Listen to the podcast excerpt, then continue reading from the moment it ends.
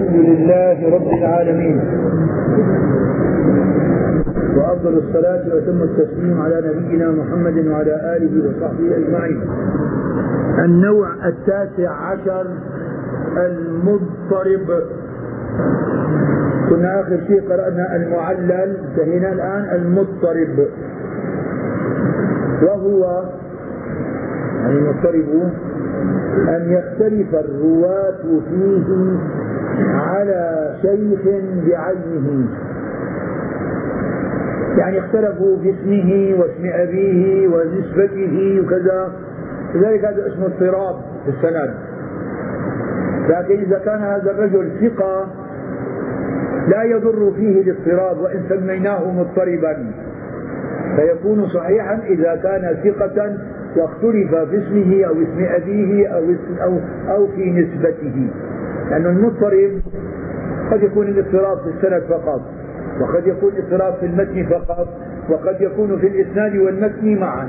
فإذا كان الاضطراب في السند وكان الاختلاف في راو من الرواة في اسمه أو اسم أبيه أو نسبته وكان ثقة فلا يضر هذا الاضطراب فيه ولا يضعفه وإن سميناه مضطربا. أو من وجوه آخر متعادلة لا يترجح بعضها على بعض. وإمتى بنسميه مضطرب إذا ما استطعنا أن نرجح رواية على أخرى فبقي الحديث مضطربا. ولذلك يضعف خاصة إذا كان في المتن أو في الإسناد واختلف في ذاك الراوي وكان غير ثقة ضعيفا فيصبح الحديث ضعيفا. أما إذا استطعنا أن نرجح في هذا الاضطراب بين رواية وأخرى فالرواية التي رجحناها هي الراجحة الصحيحة وبقيت الثانية مرجوحة وهي ضعيفة. هذا إذا استطعنا أن نرجح رواية على رواية. وأما إذا لم نستطع أن نرجح رواية على رواية بقي الحديث مضطربا وهو ضعيف لا يعمل به. وقد يكون تارة في الإسناد وقد يكون في المتن بل وقد يكون في الإسناد والمتن أيضا. وله أمثلة كثيرة يطول ذكرها والله أعلم. في تعليق تحت موجود عندكم أنتم. إذا جاء الحديث على أوجه مختلفة في المتن أو في السند من راو واحد أو من أكثر قد يكون أحيانا اختلاف على أكثر من راوي فإن رجحت إحدى الروايتين أو الروايات بشيء من وجوه الترجيح كحفظ راويها. قلنا سنتين مختلفتين لكن واحدة من الروايات راويها أحفظ من الآخر. هذا مما يحصل به الترجيح. أو ضبطه يعني أشد ضبطا وأكثر ضبطا. أو كثرة صحبته لمن روى عنه. كانت الراجحة صحيحة والمرجوحة شاذة أو منكرة يعني ضعيفة. وإن تساوت الروايات وامتنع الترجيح لم نستطع أن نرجح رواية على أخرى كان الحديث مضطربا واضطرابه موجب لضعفه عند عدم الترجيح.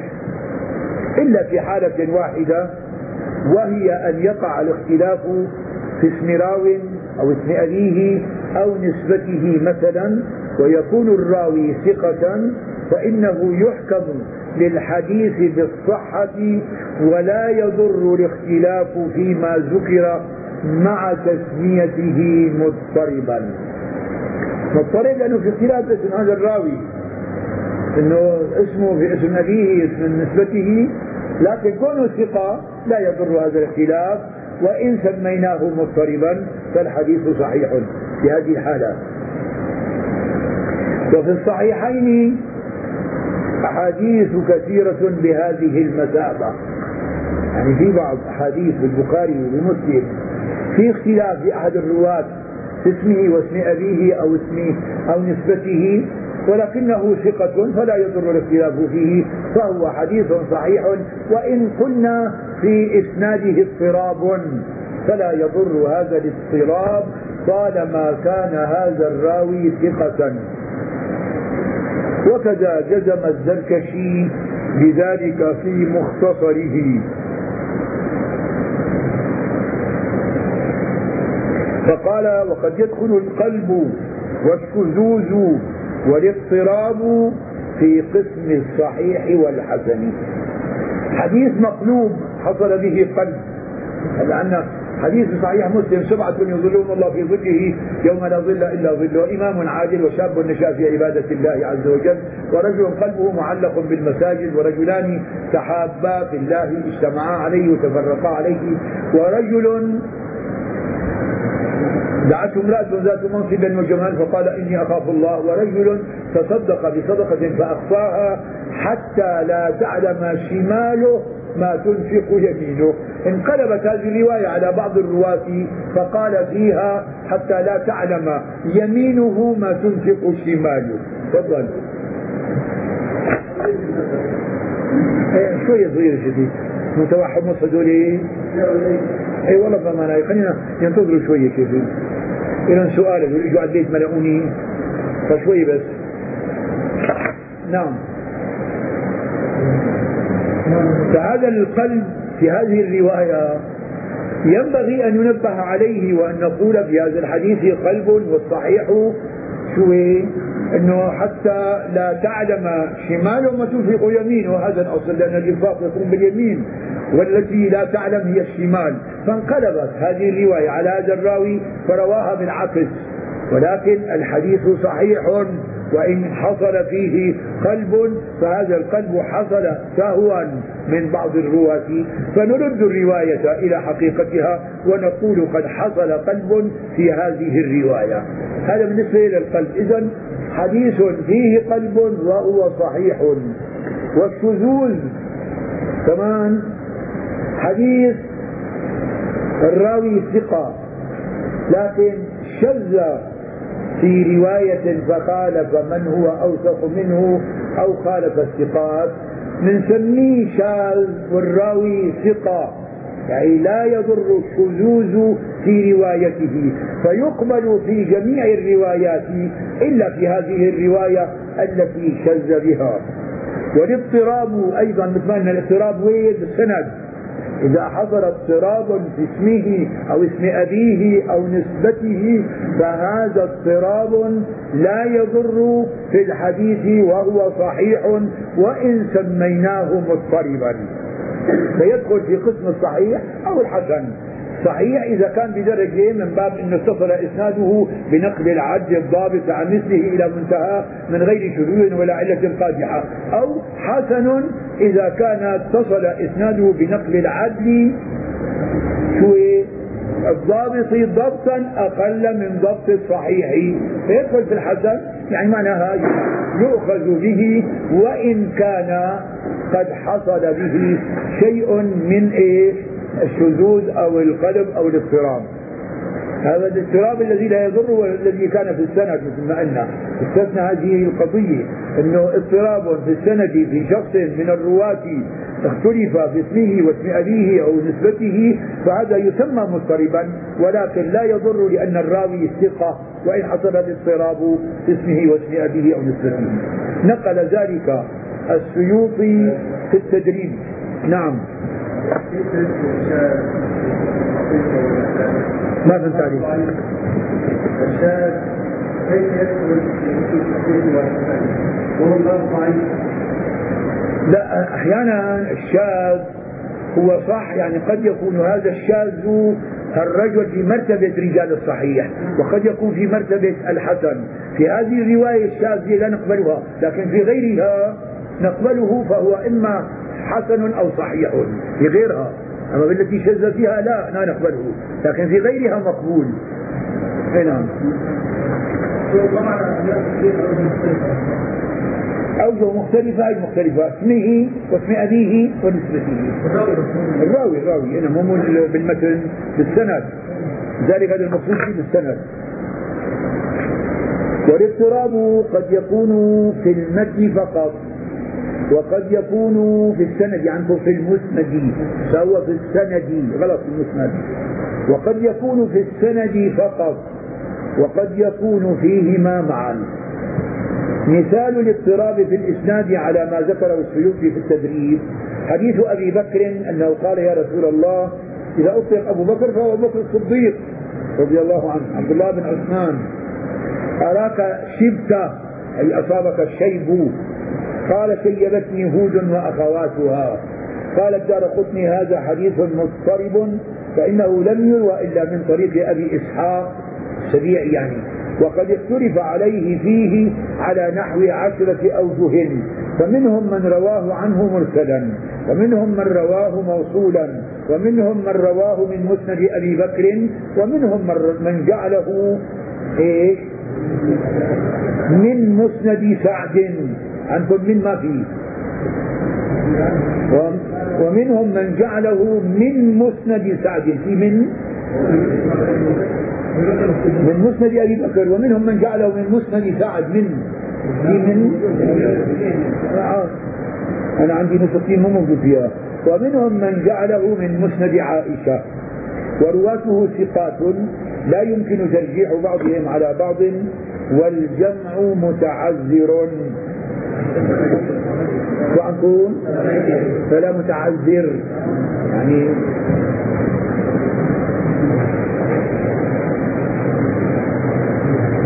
لأنه هذا شاهدين الحديث المضطرب هون فهذا الاضطراب قد لا يضر في هذا الحديث لأنه له شواهد تدل على أن الحديث له أصل صحيح.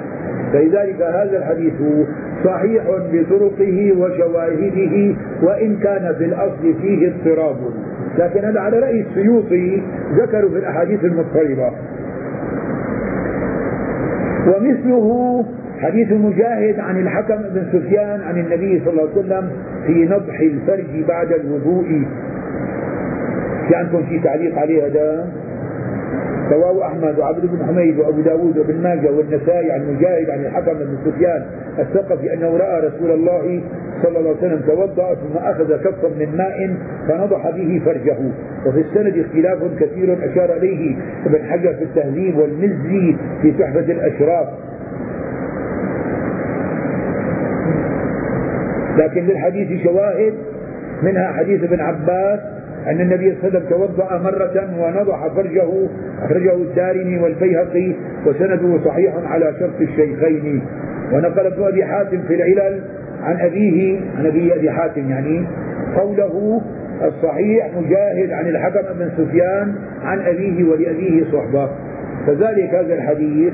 هذا يختلف فيه العلماء فعلى رأي السيوطي أنه هذا كمان مضطرب ضعيف لكن على رأي غيره أنه هذا له شواهد وطرق يقوى بها. قد اختلف فيه على عشرة أقوال.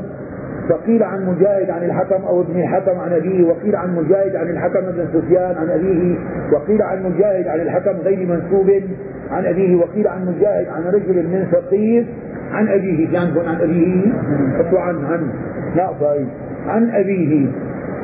وقيل عن سفيان بن الحكم أو الحكم بن سفيان وقيل عن مجاهد عن الحكم بن سفيان بلا شك. وقيل عن مجاهد عن رجل من ثقيف يقال له الحكم أو أبو الحكم. وقيل عن مجاهد عن ابن الحكم أو أبي الحكم ابن سفيان. وقيل عن مجاهد عن الحكم بن سفيان أو ابن أبي سفيان. وقيل عن مجاهد عن رجل من ثقيف عن النبي صلى الله عليه وسلم. انتهى ما نقله في التدريب من السيوطي. التدريب شرح تقريب النواوي. ومثال الاضطراب في المتن هذا كله بالإسناد. حديث التسمية في الصلاة كمان مرمانا يعني بالمعلل حطوه وهون بالاضطراب. لأنه في له روايات كثيرة لكن كمان حديث التسمية له طرق كثيرة فيصل إلى درجة الصحيح أو الحسن لغيره بطرقه وشواهده. لكن هم جابوا السيوطي كمان من باب الاضطراب في المتن. حديث التسمية في الصلاة السابق في المعلل. قال السيوطي فإن ابن عبد البر أعله بالاضطراب كما تقدم. والمضطرب يجامع المعلل. يعني نقول في اضطراب كمان فيه علة والعلة فيه الاضطراب لأنه قد تكون علته ذلك يعني الاضطراب. وأمثلة المضطرب كثيرة. وقد ألف الحافظ ابن حجر كتابا سماه كتابا فيه يعني في المضطرب سماه المقترب في بيان المضطرب.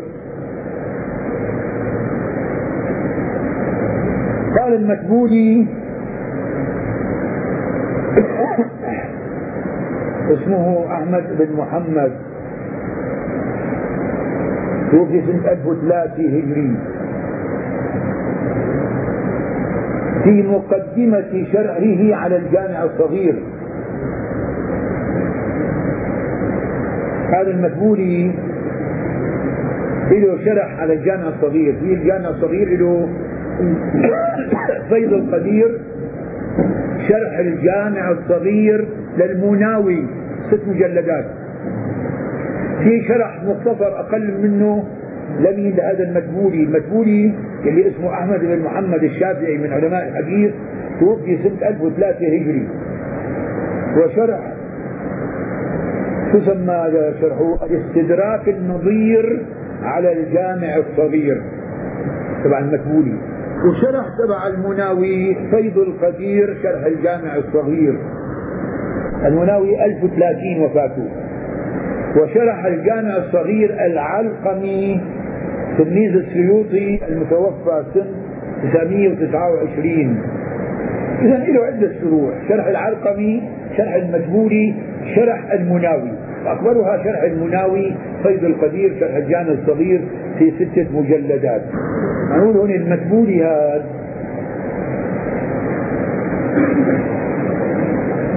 مشهور محدث تبع شرح الجامع الصغير الاستدراك النظير على الجامع الصغير. اسمه أحمد بن محمد الشافعي من علماء الحديث وفاته 1003 وهناك مكبولي آخر صوفي اسمه إبراهيم بن علي وفاته 877 للعامة فيه غلو. ما يقال بعض الصوفية. من أهل مكبول بالغربية له كتاب الأخلاق المكبولية أما نحن تبعنا هذا المحدث المكبولي الذي له الكتاب الاستدراك النظير على الجامع الصغير نقول في فتح المغيث فتح الجامع فتح آه، فتح المغيث شرح أدية الحديث العراقي. الحافظ السقاوي تلميذ الحافظ ابن حجر العسقلاني وغيره جاي من غير أمكنة تمام المضطرب مأخوذ من اضطرب بمعنى اختل أو من اضطرب القوم إذا اختلفت كلمتهم. المضطرب اسم فاعل من الاضطراب. وهو اختلال الأمر وفساد نظامه. وأصله اضطراب الموج ما بيقول اضطربت الأمواج في البحر لكثرة حركته وبعضه وضرب بعضه بعضا. والحديث عند التحقيق موضع يظهر فيه اضطراب الراوي أو الرواة.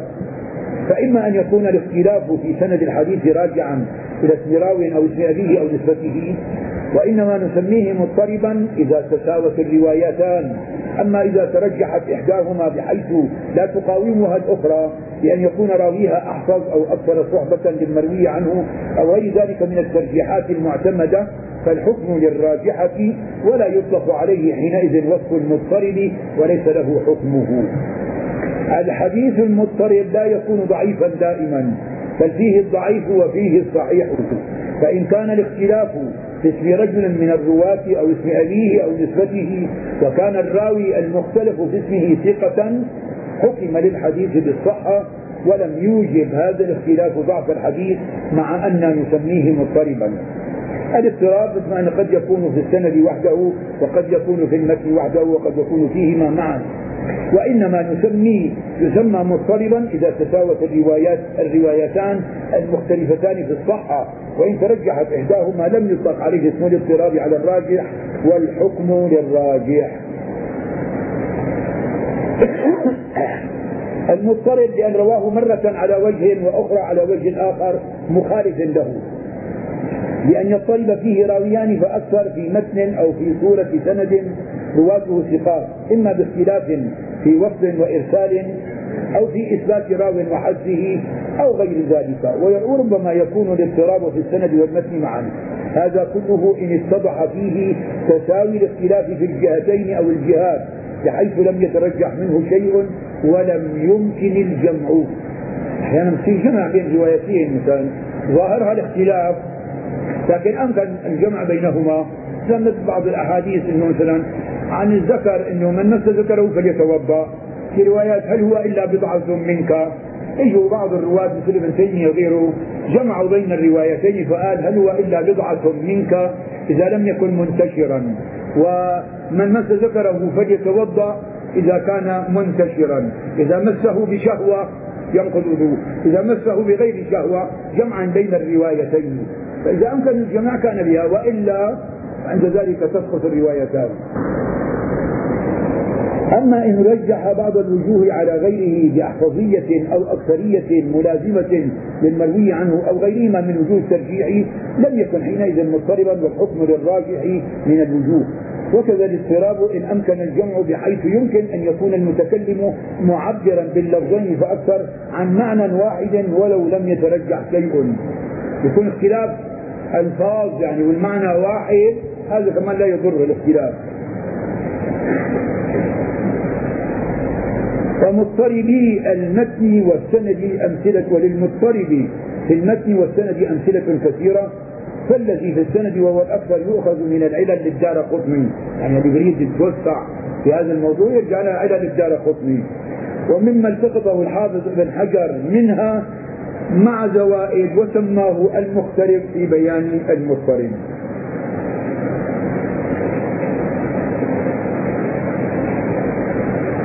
مثال الاضطراب في السند كحديث الخط من المصلي للسترة الذي لفظه إذا لم يجد عصا ينصبها بين يديه فليخط خطا. ذلك هذا الحديث ضعفوا بالاضطراب يعني إنه بالأصل الرسول كان سلم يأخذ معه عنزة يخرج البرية والفلاة فإذا أراد أن يصلي ركز هذه العنزة وصلى إليها وجعلها سترة له في صلاته. وفي رواية انه اذا ما في عنزة ما في عصا ما في حجر ما في شيء نتوء قال فليخط خطا هي الرواية مضطربة صحيحة. كيف فليخط خطا يعمل دائرة في الأرض. ذلك هذه الرواية مضطربة ولا يعمل بها. فإن إسناد هذا الحديث كثير الاختلاف ولذا حكم غير واحد من الحفاظ كالنووي في الخلاصة وابن عبد الهادي وغيره من المتأخرين باضطراب سنده وقال الدار قطني لا يثبت. كيف فليخط خطا. أمثلة أمثلة لاضطراب المتن كحديث إن في المال لحقا سوى الزكاة وحديث ليس في المال حق سوى الزكاة. هذول روايتين مضطربتين لأنه لا هذا إلى سند. فلذلك الاضطراب أسقط الجهتين. فاضطربا فتساقطا والاضطراب إذا وقع في سند أو متن موجب للضعف لإشعاره بعدم ضبط راويه أو رواته. فإن كانت المخالفة بإبدال الراوي ولأم ولا مرجح لإحدى الروايتين على الأخرى فهذا هو المضطرب. وقد يقع الاضطراب في الإسناد غالبا وقد يقع في المتن لكن قل أن يحكم المحدث على الحديث بالاضطراب بالنسبة إلى الاختلاف في المتن دون الإسناد. أما على الغالب تصير بالإسناد أكثر من المتن الاضطراب النوع العشرون معرفة المدرج وهو تعريف المدرج أن تزاد لفظة في متن الحديث من كلام الراوي فيحسبها من يسمعها مرفوعة في الحديث فيرويها كذلك. هذا أحيانا بيبقى واحد عم يقرأ حديث. بدأ بإسناده حدثنا فلان عن فلان عن فلان عن أبي هريرة رضي الله عنه قال قال رسول الله صلى الله عليه وسلم فذكر المتن والراوي قبل ما يقرأ الحديث عرض أمر فجاء بجملة ليست من الحديث فحسبها بعض من سمعها أنها من الحديث مرفوعة إلى رسول الله صلى الله عليه وسلم. واحد عم يروي حديث أن الرسول عليه الصلاة والسلام قال اللهم صل وسلم وبارك عليه. شو الحديث؟ لا لا شيء تبع الشيطان ير يعقد يعقد الشيطان على قافية رأس أحدكم إذا هو نام ثلاث عقد يضرب كل عقدة. عليك نوم طويل فرق. فإن استيقظ أو فإذا استيقظ فذكر الله انحلت عقدة. فإن توضأ انحلت عقدة. فإذا صلى انحلت عقده كلها فأصبح نشيطا طيب النفس وإلا أصبح خبيث النفس كسلان. فقال عم الحديث عم يذكر السند وصل للمتن قبل ما يقول المتن دخل رجل عليه هيئة الوقار والصلاح فقال عن هذا الشخص الذي دخل من كثرت صلاته بالليل حسن وجهه بالنهار. يعقد الشيطان على قافية رأس أحدكم فهو ظن نفس الداخل هذا أنه هذا جزء من الحديث. لذلك كان يروي الحديث من كثرت صلاته بالليل حسن وجهه بالنهار يعقد الشيطان. بينما هذا ما له علاقة بالحديث وإنما جملة معترضة ذكرها عندما رأى هذا الداخل الذي عليه سيم الصلاح والتقوى فذكر عنه هذه الكلمات. هذا اسمه إدراج. إدراج في الحديث بين الإسناد والمتن. وهي زيادة هي زيادة لفظة أو جملة أو قد تكون أحيانا وقد تكون هذا الإدراج الزيادة في أول الحديث في وسطه في آخره. يعني معناه يعني بعض الأمور. هذا كله اسمه إدراج. زيادة في الحديث ليست من الحديث يحسبها بعض من سمعها. أنها من الحديث مرفوعة إلى رسول الله صلى الله عليه وسلم. وقد وقع من ذلك كثير في الصحاح والحسان والمسانيد وغيرها. بل أحيانا يقع في البخاري وقع حديث أبو هريرة ذكر في الحديث أنه تبلغ الحلية من الوضوء حيث يبلغ إيه؟ تبلغ الحلية حيث يبلغ الوضوء. قام قال هو جملة أكملها في هذا الحديث فمن أراد منكم أن تطول غرته فليفعل هكذا. وأدخل يده للمنكب فهي جملة؟ فمن أراد منكم أن تطول غرته فليفعل هكذا. من كلام أبي هريرة مدرج في الحديث وليس من كلام النبي صلى الله عليه وسلم. فحسبها كثير من الناس موجودة بالبخاري ولكن هذا إدراج وليس من الحديث بل هو من كلام أبي هريرة بعد رواية الحديث في المرفوع عن رسول الله صلى الله عليه وسلم. وقد وقع من ذلك كثير في الصحاح والحسان والمسانيد وغيرها. وقد يقع الإدراج في الإسناد. ولذلك أمثلة كثيرة. وقد صنف الحافظ أبو بكر الخطيب في ذلك كتابا حافلا سماه فصل الوصل لما أدرج في النقل وهو مفيد جدا. حتى الآن ما طبع هذا الكتاب. وهو مفيد جدا في رقم هنا. الحديث المدرج ما كانت فيه زيادة ليست منه وهو إما مدرج في المتن وإما مدرج في الإسناد. هكذا قسمه السيوطي وغيره والإدراج في الحقيقة إنما يكون في المتن. لا يعني ليس على إطلاقه لا قد يكون في السند كمان ويعرف المدرج بوروده منفصلا في رواية أخرى.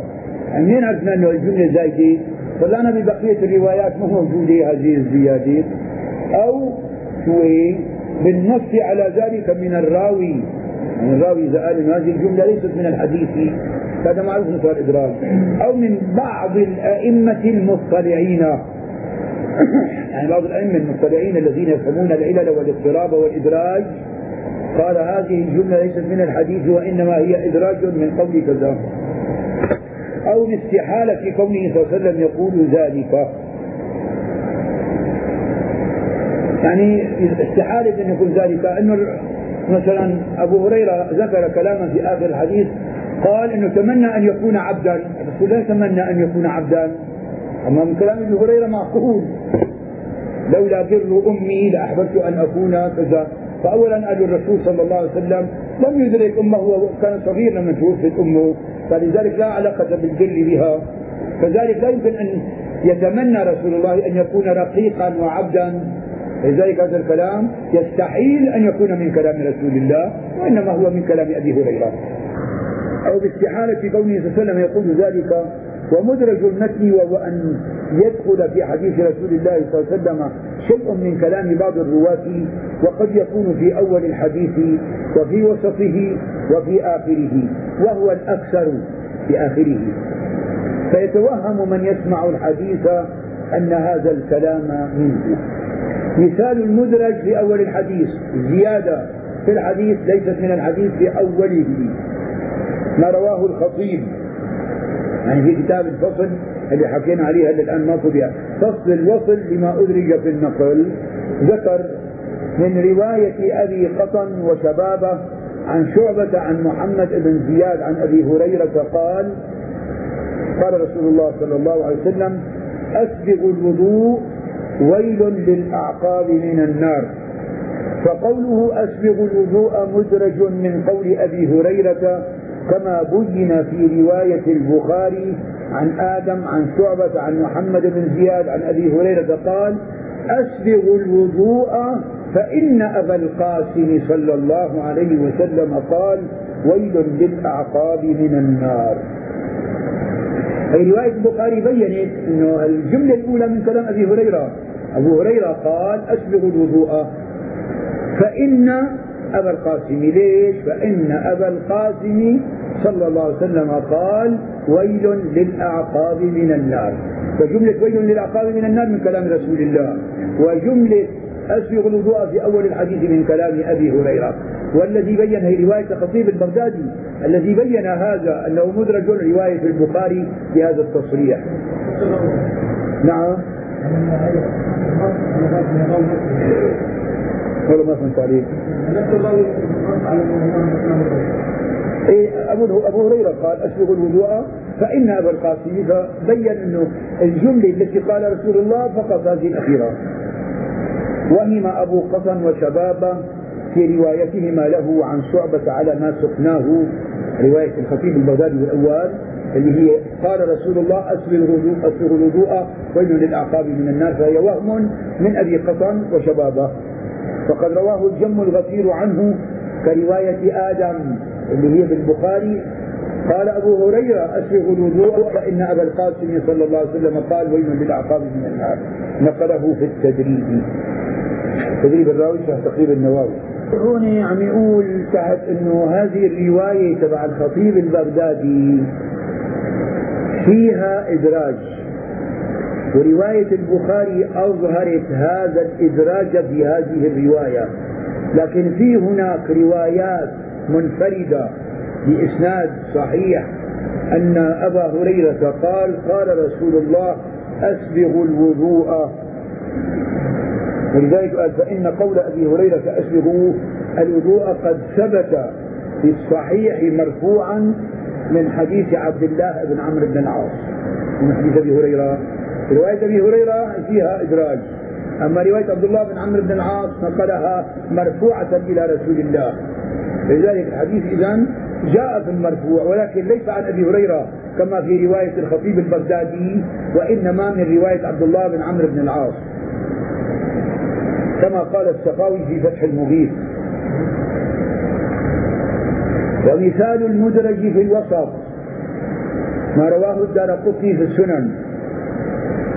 من طريق عبد الحميد بن جعفر عن هشام بن عروة عن أبيه عن بسرة بنت صفوان قالت سمعت رسول الله صلى الله عليه وسلم يقول من مس ذكره أو أنثييه أو رفغيه فليتوضأ. فهو الحديث من مس ذكره فليتوضأ صحيح لكن زيادة أنثييه أو رفغيه هذه مدرجة في وسط الحديث. وقد بين الحافظ بن حجر في النكت على ابن الصلاح وجوه الإدراج في هذه الرواية. تبع أو أنثييه أو رفضيه. وكذا الإمام الدار قطني في العلال والمحفوظ أن ذلك قول عروة أو أو إيه أنثييه يعني قصتين فهو الحديث من مس ذكره زيادة الخصيتين أو رفضيه أو أنثييه. هذا اللي هو إدراج زيادة من قول عروة بن الزبير. وكذا رواه الثقات عن هشام منهم أيوب السختياني يعني وحماد بن زيد وغيرهما. ثم رواه من طريق أيوب بلفظ من مس ذكره فليتوضأ. قال وكان عروة يقول إذا مس رفغيه أو أنثييه أو ذكره فليتوضأ. أي هي تصريح. إذا هذه الزيادة ليست من كلام رسول الله وإنما هي من قول عروة بن الزبير. وكذا قال الخطيب البغدادي. فعروة لما فهم من لفظ الخبر أن سبب نقض الوضوء مظنة الشهوة جعل حكم ما قرب من الذكر كذلك. يعني يعتبر من مس ذكره فالإفراد ليش؟ لأنه مسه يكون في شهوة. قال كمان حط معهم؟ الأنثيين الخصيتين أدخلوا معهم. جعل حكم ما قرب من الذكر كذلك فقال ذلك. فظن بعض الرواة أنه من صلب الخبر فنقله مدرجا فيه وفهم الآخرون حقيقة الحال ففصلوا قاله في التدريب وقد يكون الإدراج في الوسط على سبيل التفسير من الراوي لكلمة من الغريب مثل حديث عائشة في بدء الوحي في البخاري وغيره كان النبي صلى الله عليه وسلم يتحنث في غار حراء وهو التعبد. فهون الجملة وهو التعبد هي تفسير من الزهري عم يفسر التحنث. شو التحنث باللغة؟ معناه التعبد. فجملة وهو التعبد مدرجة من كلام الزهري في وسط الحديث. أراد بذلك شرح معنى كلمة التحنث. فجملة وهو التعبد ليست من الحديث بل هي مدرجة. هو يتعنف فهذا التفسير من قول الزهري أدرج في الحديث. قال الحافظ الفتح فتح الباري في صحيح البخاري هذا مدرج في الخبر وهو تفسير من الزهري كما جزم به الطيبي ولم يذكر دليله. نعم في رواية المؤلف البخاري من طريق يونس عنه في التفسير ما يدل على الإدراج. وقال مبينا وهذا ظاهر في الإدراج إذ لو كان من بقية كلام عائشة لجاء فيه قالت إذا ما قالت؟ قالت من كلام عائشة قلت الزهري. وهو محتمل أن يكون من كلام عروة أو من دونه. وأقره السيوطي في المدرج. أقول وقد ضعف دعوى الإدراج ابن دقيق العيد في الاقتراح. أنا كتاب ابن دقيق العيد. الاقتراح في علم الاصطلاح في المصطلح. بسبب أنه مدرج في أثناء لفظ الرسول صلى الله عليه وسلم. وإلا لا هو الإدراج شرح من الراوي. الزهري زاده لبيان معنى الايش التحنث وأشار إلى شيء من مناقشة العراقي في التفسير والتذكرة التقييد والإيضاح. وقال الحافظ في النكت الحافظ بن حجر النكت على ابن الصلاح بعد إيراد لعدة روايات مدرجة أثناء كلام الرسول صلى الله عليه وسلم وعلى هذا فتضعيف ابن دقيق العيد بالحكم لذلك فيه نظر فإنه إذا ثبت أن ذلك من كلام بعض الرواة فلا مانع من الحكم عليه بالإدراج. هذه صحيح لكن حصل فيه إدراج من كلام الزهري كشرح للفظة التحنث. وكذلك حديث فضالة مرفوعا عند النسائي. أنا زعيم والزعيم الحميل فجملة الزعيم والحميل شرح كلمة الزعيم. كذلك مدرجة وليست من كلام رسول الله. وإلا الكلام أنا زعيم لمن آمن بي وأسلم وجاهد في سبيل الله ببيت في ربض الجنة.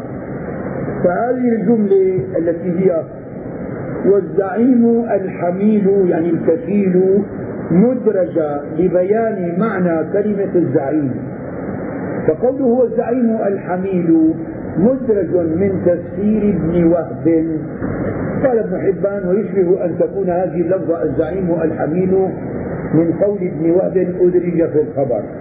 ووافقه الحافظ في النكت والسخاوي في فتح المبيت والسيوطي في المدرج.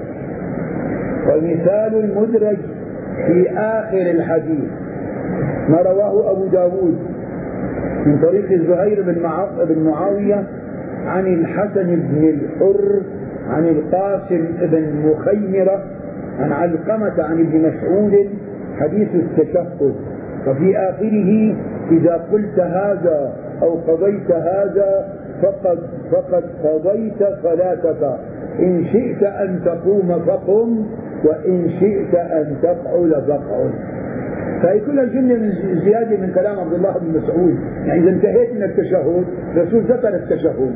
بعدين عبد الله بن مسعود إذا أنت انتهيت من التشهد أو قضيت هذا فقد قضيت صلاتك.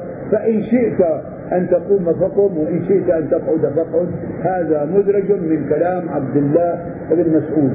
فهذه الجملة وصلها زهير بالحديث المرفوع وهي مدرجة من كلام ابن مسعود كما نص عليه الحاكم والبيهقي والخطيب البغدادي. نص آه ونقل النووي في الخلاصة. هذا كتاب الخلاصة. كمان نسمع به ولم نره. يعني ما طبع حتى الآن من كتب النووي الذي لم يطبع وهو كتاب جيد الخلاصة. اتفاق الحفاظ على أنها مدرجة. هي الزيادة تبع عبد الله بن مسعود. ومن الدليل على إدراجها أن حسينا الجعفي وابن عجلان وغيرهما رووا الحديث عن الحسن بن الحر بدون ذكرها. وكذلك كل من كل من روى التشهد عن علقمة أو غيره عن ابن مسعود وأن شبابة بن سوار وعبد الرحمن بن ثابت بن ثوبان وهما ثقتان رويا الحديث عن الحسن بن الحر ورويا فيه هذه الجملة وفصلاها منه وبينا أنها من كلام ابن مسعود. رضي الله عنه فهذا التفصيل والبيان مع اتفاق سائر الرواة على حذفها من المرفوع من كلام رسول الله. يؤيد فهو عندكم غلط الرواية هون. وإن جاهل شلون عم تكون؟ من مات لا يشرك بالله شيئا دخل النار. غلط الأبيض من مات لا يشرك بالله شيئا دخل الجنة. ومن مات كم بعدين؟ ومن مات لن ومن مات يشرك بالله شيئا دخل النار. مشكلة غريبة. غلطة شنيعة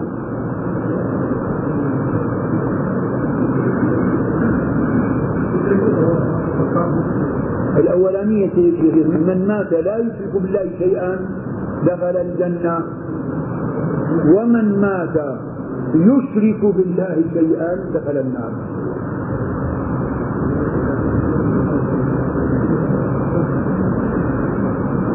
فإن في رواية أخرى عن ابن مسعود قال النبي صلى الله عليه وسلم كلمة وقلت أنا أخرى فذكرهما فأفاد أن إحدى الكلمتين من قول ابن مسعود.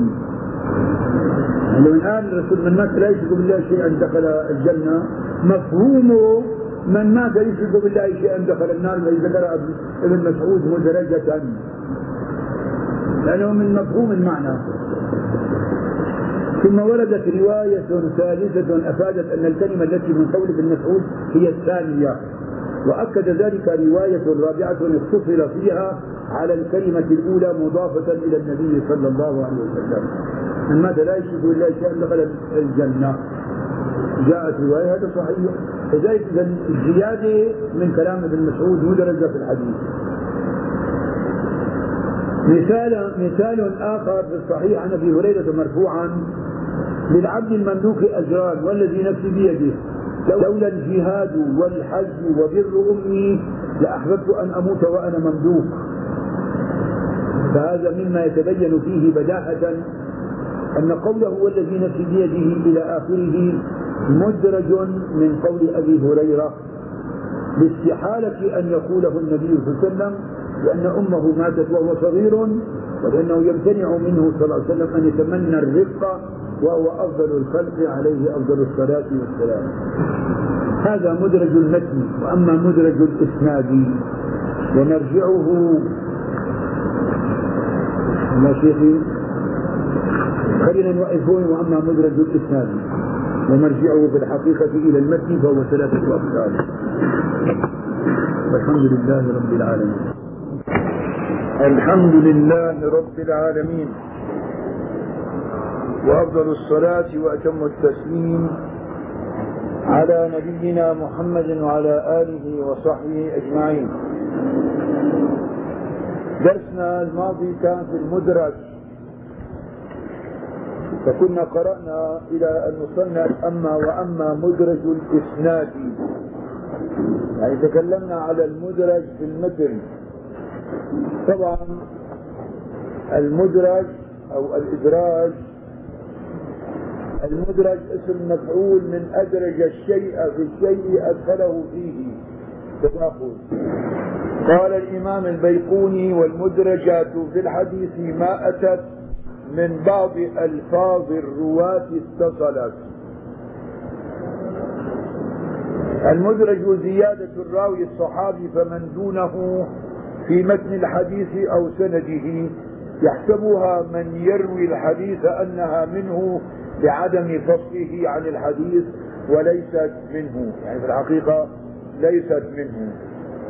كان مر معنا أنه في عندنا مدرج في أول الإسناد مدرج في وسطه مدرج في آخره.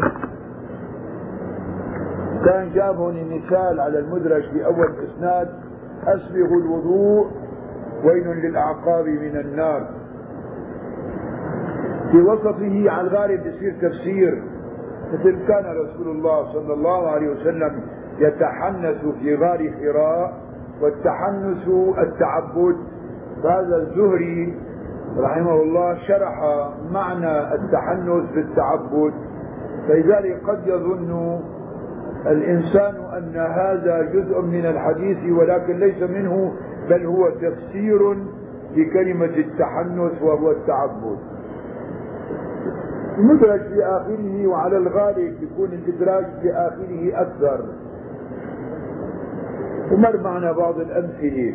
ويدرك الإدراج بورود رواية مفصلة للقدر المدرج مما أدرج فيه أو بالتنصيص على ذلك من الراوي. يعني يا إما جملة مثلا كان مر معنا بالنسبة للإدراج في المتن. إنه أحد المحدثين عم يحدث حدثنا فلان عن فلان عن فلان وانتهى من الإسناد وأراد أن يأتي بالمتن فدخل رجل وهو ثابت بن موسى الضبي الزاهد فقال من كثرت صلاته بالليل حسن وجهه بالنهار فظن هو الداخل نفسه إنه هذا جزء من الحديث الذي قاله بعد ذكر الإسناد. وهذه جملة معترضة ذكرها يعني بمناسبة دخول هذا الإنسان الذي هو وضيء الوجه وعلى وجهه نور فقال هذه الجملة فليست من الحديث بل هي إدراج. بدنا بقى وأما مدرج الإسناد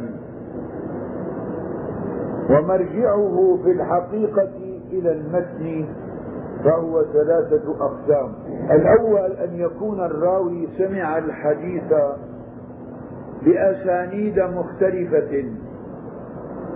فيرويه عنه راو آخر فيجمع الكل على إسناد واحد من غير أن يبين الخلاف. أدرج إسناد في إسناد آخر ولم يبين الخلاف بين السندين. هذا أحد صور الإدراج في الإسناد. مثاله ما رواه الترمذي من طريق ابن مهدي يعني عبد الرحمن بن مهدي. عن الثوري سفيان سفيان الثوري عن واصل الأحدب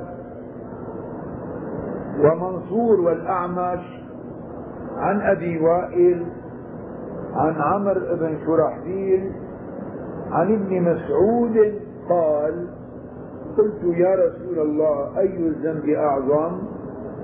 قال أن تجعل لله ندا وهو خلقك إلى فإن رواية واصل. ابن الأحدب هذه هنا واصل. الأحدب مدرجة على رواية منصور والأعمش. فإن واصلا واصل الأحدب يرويه عن أبي وائل عن ابن مسعود مباشرة. لا يذكر فيه عمرو بن شرحبيل. فإذا أدرج في هذا السند عمرو بن شرحبيل. وهكذا رواه شعبة وغيره عن واصل عن أبي وائل عن ابن مسعود بدون ذكر عمرو بن شرحبيل. وقد رواه يحيى القطان عن الثوري بالإسنادين مفصلا وروايته أخرجها البخاري. طبعا الرواية أخرجها البخاري بدون هذا الإدراج. عن واصل الأحداث عن أبي وائل على عبد الله بن مسعود. هذا واحد من الإدراج في الإسناد. الثاني أن يكون الحديث عند راو بإسناد وعنده حديث آخر بإسناد غيره فيأتي أحد الرواة ويروي عنه الحديثين بإسناده يعني أدرج الإسنادين في إسناد واحد ويدخل فيه الحديث الآخر أو بعضه من غير بيان. ما بيبين إنه أي شخص مدرج في الإسناد. مثاله حديث سعيد بن أبي مريم عن مالك عن الزهري. في عندكم عن؟ حطوا عن ناقصة. عن الزهري. عن الزهري عن أنس مرفوعا. لا تباغضوا. ولا تحاسدوا ولا تدابروا ولا تنافسوا. أي جملة ولا تنافسوا أدرجها ابن أبي مريم سعيد ابن أبي مريم. رواه من طريقه ابن عبد البر في التمهيد ثم نقل عن الحافظ حمزة الكناني قوله لا أعلم أحدا قال في هذا الحديث عن مالك ولا تنافسوا غير سعيد بن أبي مريم. إذا هذا سعيد بن أبي مريم هو الذي أدرج هذه الجملة في هذا الحديث. وإلا هو هذا جاي من حديث آخر. حديث لا تحاسدوا ولا تناجشوا ولا تدابروا ولا تباغضوا ولا يبع بعضكم على بيع بعض وكونوا عباد الله إخوانا. هذا ما في موجود جملة ولا تنافسوا فيه. أما أي ولا تنافسوا من حديث آخر أدرجها في هذه الرواية والذي أدرجها سعيد بن أبي مريم. فهو في الحقيقة رجل في الإسناد أدرج جملة في المتن. فهذا إدراج في الحقيقة إسناد متن. وليس من هذا الحديث يعني جملة ولا تنافسوا ليست من هذا الحديث بل هو من حديث آخر لمالك عن أبي الزناد عن الأعرج عن أبي هريرة مرفوعا.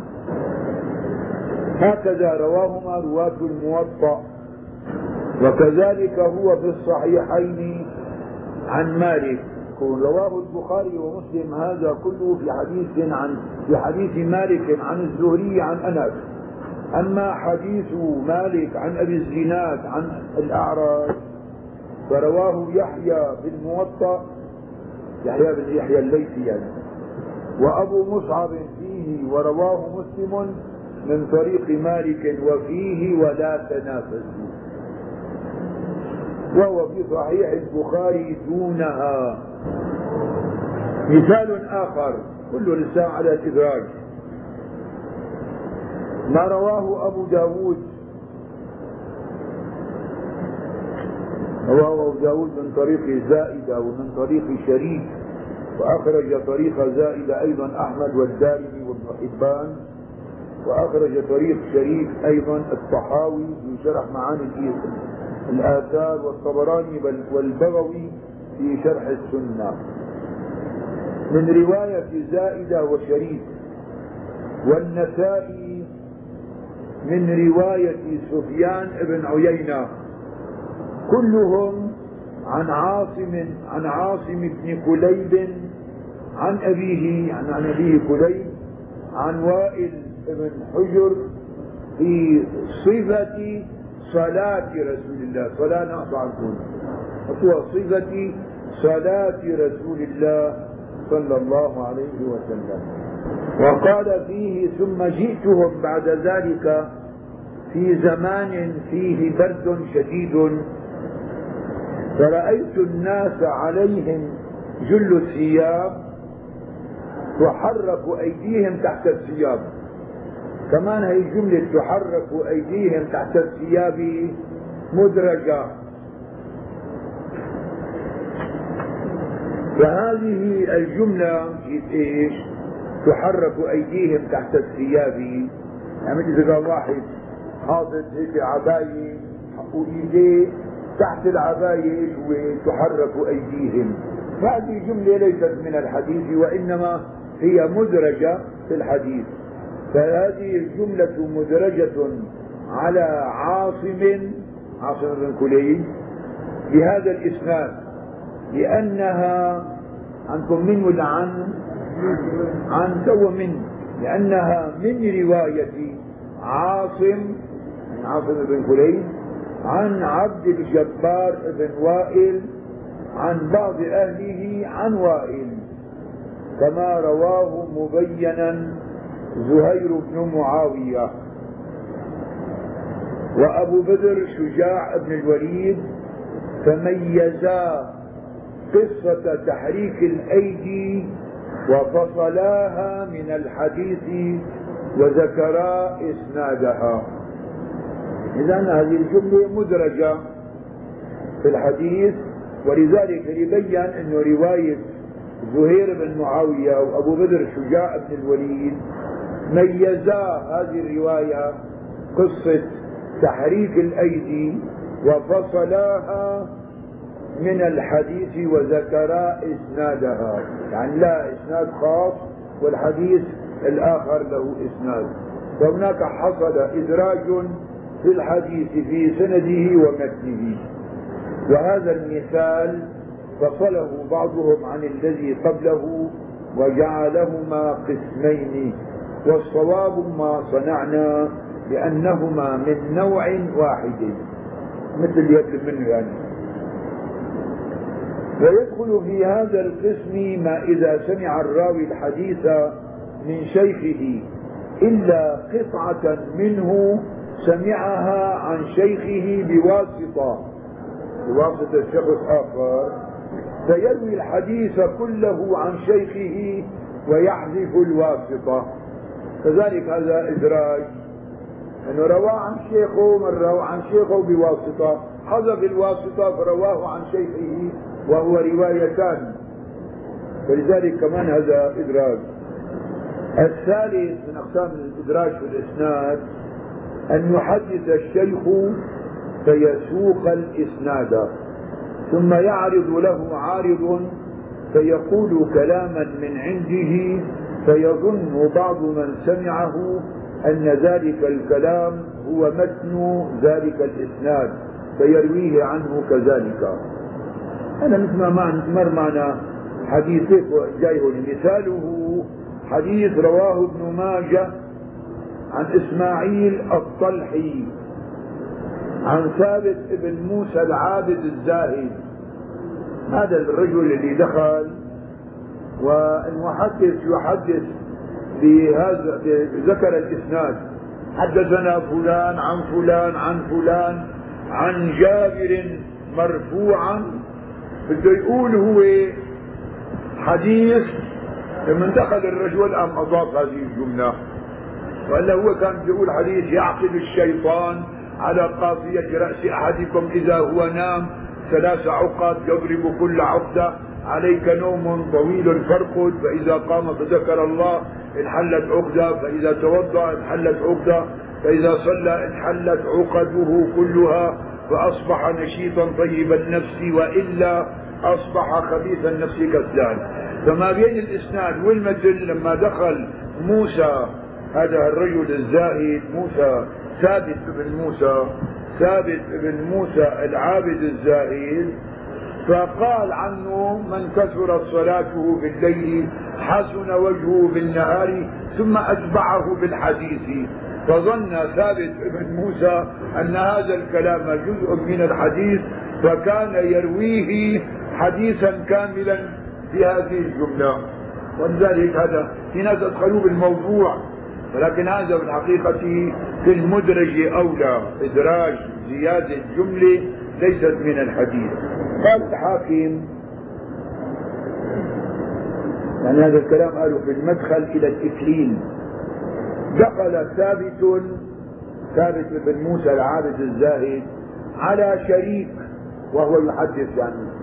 وهو يملي ويقول حدثنا الأعمش عن أبي سفيان عن جابر قال قال رسول الله صلى الله عليه وسلم وسكت ليكتب المستملي حتى المستملي هو المملي شريك المملي. والمستملي الذي يملي عن الشيخ فلما سكت حتى يكتب المستملي دخل هذا الرجل ثابت بن موسى الزاهد فقال هذه الجملة التي هي مدرجة في الحديث وليست منه. فلما نظر إلى ثابت من شريك قال من كثرت صلاته بالليل حسن وجهه بالنهار وقصد بذلك ثابتا بزهده وورعه. فظن ثابت يعني هو الداخل أنه متن ذلك الإسناد فكان يحدث به. وقال ابن حبان يعني قال ابن حبان في كتاب المجروحين إنما هو قول شريك مو قول رسول الله صلى الله عليه وسلم. ليس مرفوعا وإنما هو من كلام شريك. قاله عقب حديث الأعمش عن أبي سفيان عن جابر مرفوعا. عند انتهائه من السند أو الإسناد ذكر هذه الجملة بدخول ثابت بن موسى العابد الزاهد عن جابر مرفوعا يعقد الشيطان على قافية رأس أحدكم إلى آخر الحديث. هذا الحديث رواه فأدرجه ثابت في الخبر ثم سرقه منه جماعة من الضعفاء وحدثوا به عن شريك. هذا مش معناته لأنه هو ثابت باعتبار هو كان الداخل وسمع هذا ثم سمع تتمة الحديث يعقد الشيطان على قافية رأس أحدكم إذا هو نام ثلاث أوقات. ظن أنه جزء من الحديث فكان يحدث به وسرقه يعني أخذ منه هذه الرواية بعض الناس فصاروا يحدثون به على أنه حديث من كلام رسول الله صلى الله عليه وسلم. وخلاصة القول في هذا الحديث ما قاله الحافظ أبو عبد الله محمد بن علي السوري كما في الفوائد المنتقى والغرائب الحسام له والجملة في هذا الحديث أنه ليس بذي أصل ولا يثبت عن الحفاظ من أهل النقل. يعني جملة من كثرت صلاته بالليل حتى وجوه بالنهار ليست من أصل الحديث ولا تثبت عن أهل النقل من الحفاظ. ولا يصح عن ذوي المعرفة والفضل وكل من حدث به عن شريك فهو غير ثقة ولا مأمون. أن حدثوا عن شريك ضعفاء. وهذا القسم يعني جملة هي من كثرت صلاته بالليل حسن وجوب النهار ذكره ابن الصلاح في نوع الموضوع. وغيره ناس قالوا إنه هذا حديث موضوع. لأنه الحقيقة هو مو يعني موضوع على رسول الله وإنما جمله جاء بها الشريف زيادة في الحديث لبيان هيئة هذا الإنسان فهي في المدرج أولى من أن تكون في الموضوع. وجعله شبه وضع من غير تعمد. طبعا هذا مو عمدا قالوا هو آه، شريك فتبعه على ذلك النووي والسيوطي. وذكره في المدرج أولى. وين كان ابن الصلاح رأيه أنه هذا حديث موضوع لكن لا. ذكره في المدرج أولى. وهو به أشبه. كما صنع الحافظ ابن حجر. في نزهة النظر شرح نخبة الفكر ذكر عنه أنه مدرج ولم يقل ابن حجر إنه موضوع كما قال ابن الصلاح. فصل في حكم الإدراج. أما الإدراج لتفسير شيء من معنى الحديث ففيه بعض التسامح والأولى أن ينص الراوي على بيانه. يعني هذا مثل شرح كلمة التحنث لمن شرحها الإمام الزهري وقال كان رسول الله صلى الله عليه وسلم يتحنث الليالي ذوات العدد والتحنث التعبد. كان الأولى أن ينص على أنه تفسير أن يقول ومعنى التحنث هو التعبد. لكي لا يظن أحد أنه من جملة الحديث بل هو شرح لكلمة في الحديث. وأما ما وقع من الراوي خطأ من غير عمد فلا حرج على المخطئ. أحيانا قد يخطئ الواحد وروى سهوا.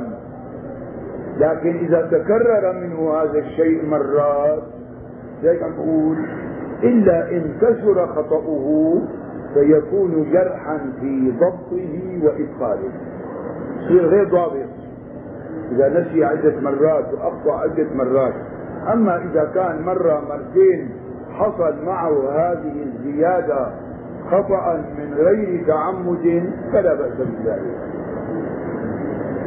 وأما ما كان من الراوي عن عمد فإنه حرام كله على اختلاف أنواعه. إذا تعمد ذلك فهو حرام سواء كان الإدراج في أوله أو في وسطه أو في آخره أو في الإسناد أو في المتن وفعل ذلك متعمدا فهو حرام. على جميع اختلاف الأنواع. باتفاق أهل الحديث والفقه والأصول وغيرهم. لما يتضمن من التلبيس والتدليس ومن عزو القول إلى غير قائله نعم يعزو كلام. يعني ظاهرا يظنه السامع أنه من كلام رسول الله. وهو غير كلام رسول الله. فلذلك إذا تعمد هذا فيكون عما يلبس ويدلس في الحديث. قال السمعاني ومن تعمد الإدراج فهو ساقط العدالة. وممن يحرف الكلمة عن مواضعه وهو ملحق بالكذابين. تسقط روايته هذا كله في الإدراج. كان مر معنا أنه وقد ألف الخطيب البغدادي كتابا في ذلك سماه الفصل للوصل المدرج في النقل. هذا الكتاب تبع الحافظ البغدادي زاد عليه ابن حجر عليه قدر مرتين أو أكثر وسماه تقريب المنهج في ترتيب المدرج. ولخصه السيوطي وسماه المدرج إلى المدرج. هذا مطبوع تبع السيوطي رسالة صغيرة المدرج إلى المدرج. أما هذا تبع الحافظ ابن حجر العسقلاني. إذا وجد فهو جيد في هذا الموضوع.